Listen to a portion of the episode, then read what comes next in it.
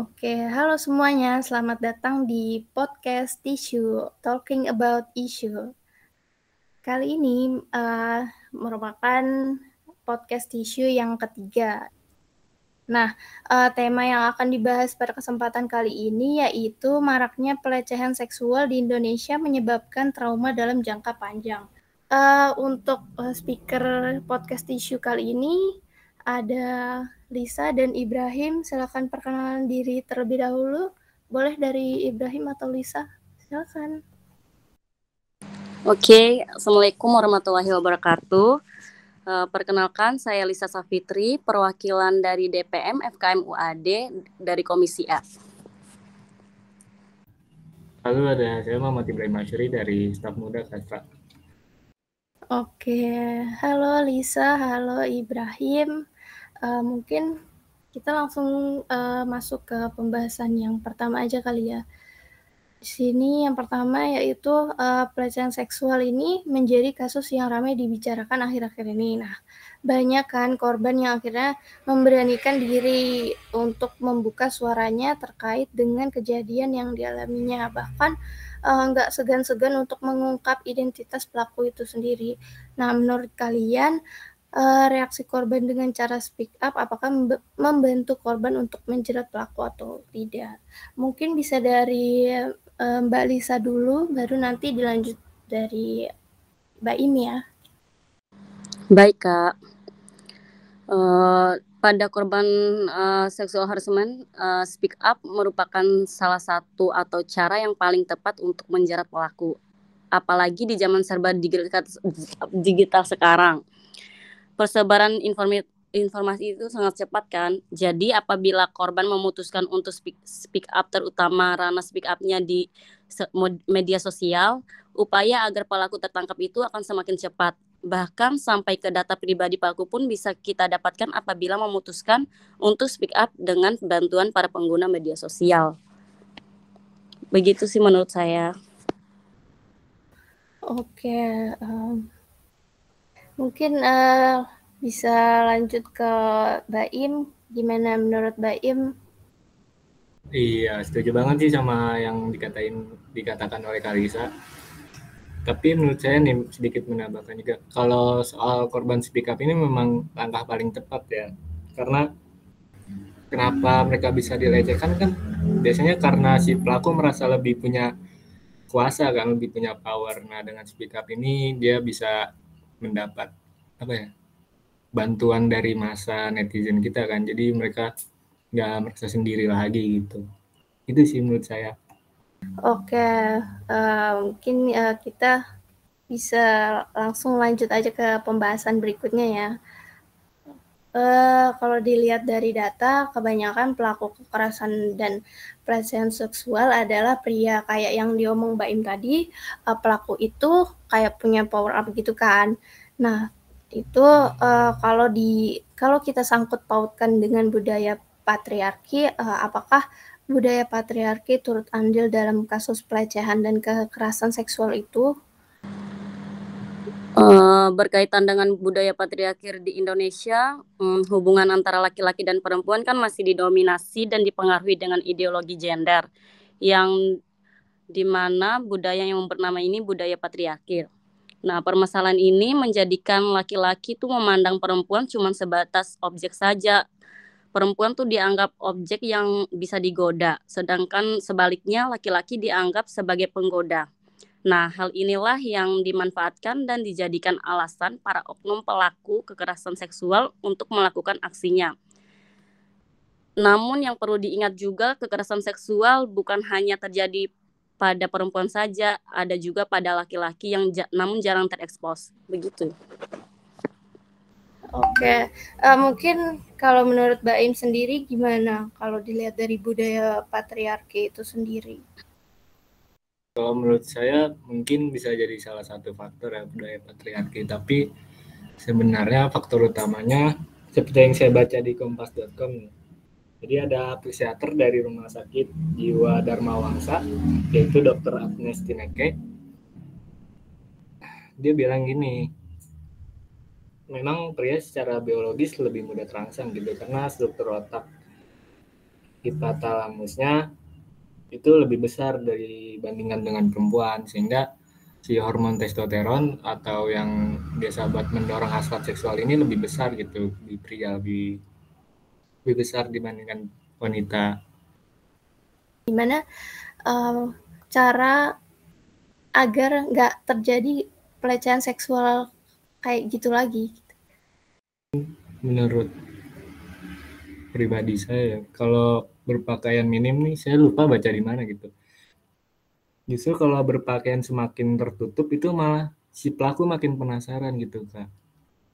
Nah menurut saya memang otak si prianya aja ini harus diedukasi gitu kak tentang cara menunaikan hasrat yang baik dan benar tuh seperti hmm. apa bukan dengan melecehkan orang gitu kak.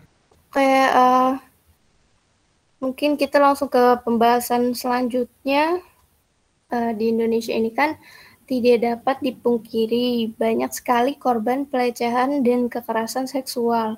Nah, banyak dari korban juga yang mengalami trauma akibat kejadian yang dialaminya.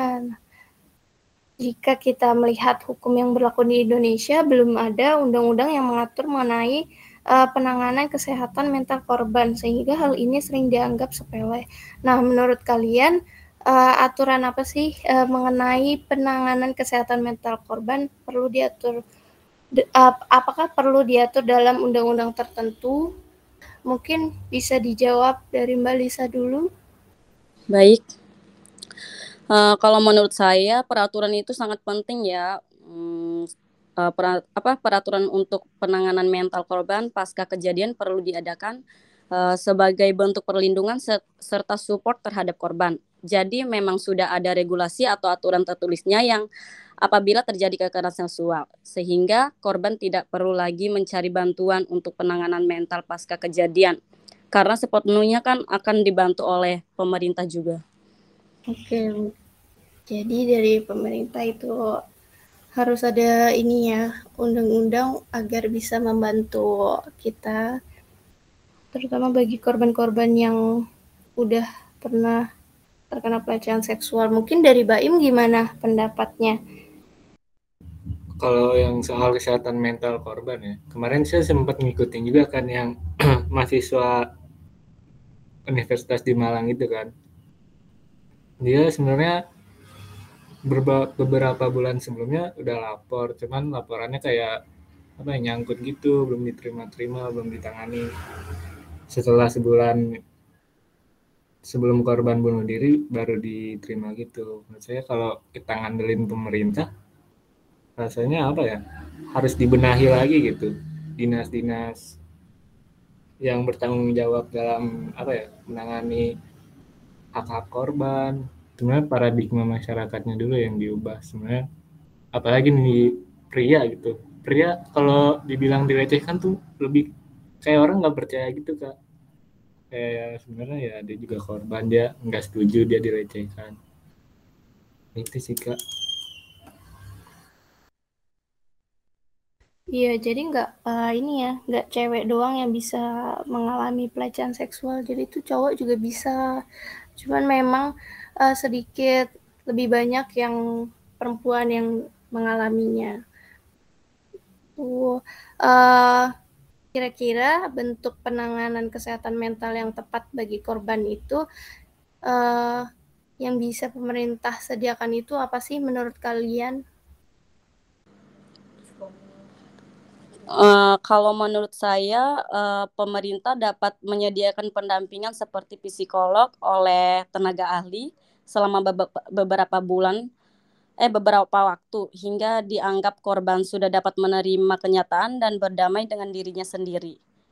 Hmm, pemerintah juga kayaknya bisa membuat program support group gitu yang berisi kegiatan dukungan moral uh, dan motiv motivasi serta uh, semangat untuk melalui hari-harinya ke depan agar agar korban tersebut dapat beraktivitas seperti biasanya dan tidak traumanya tuh nggak terlalu gimana ya terlalu diingat gitu lah masa-masa lalunya. Iya, jadi kayak perlahan-lahan bisa melupakan. Iya, bisa pudar.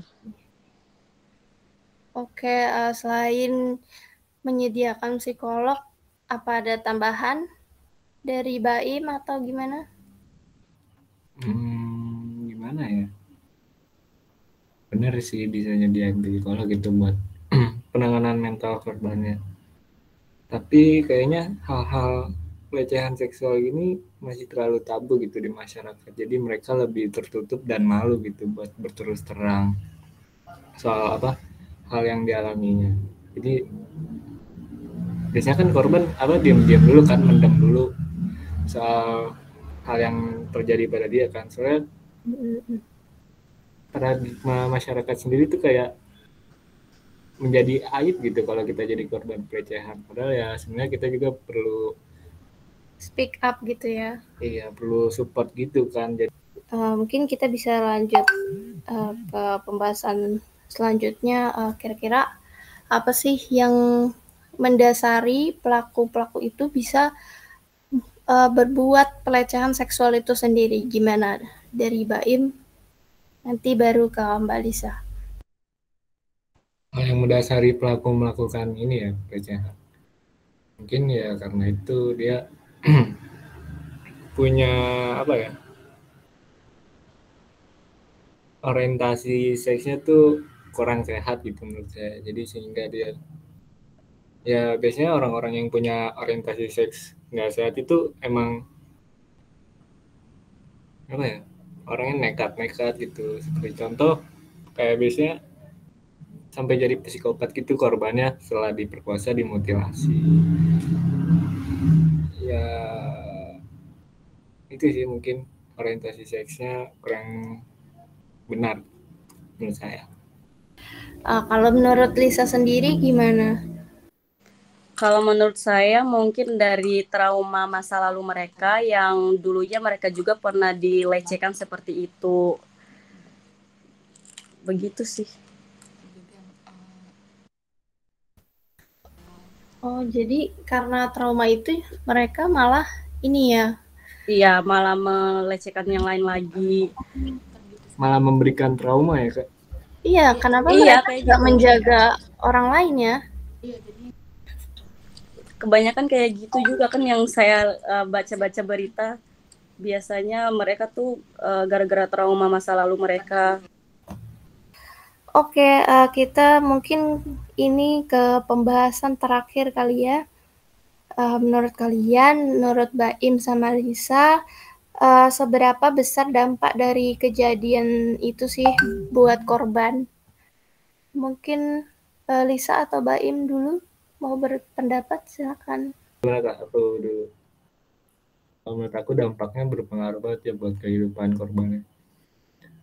Karena dengan satu orang merusak, melecehkan orang ini mungkin dia nggak menghancurkan dunia, tapi dia menghancurkan dunia buat satu orang ini gitu.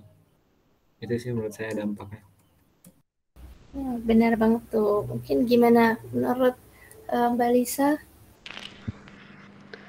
Uh, kalau menurut saya itu sangat uh, berpengaruh sama kesehatan mental korban uh, dan apa uh, untuk masa ke depannya korban tuh pasti baik uh,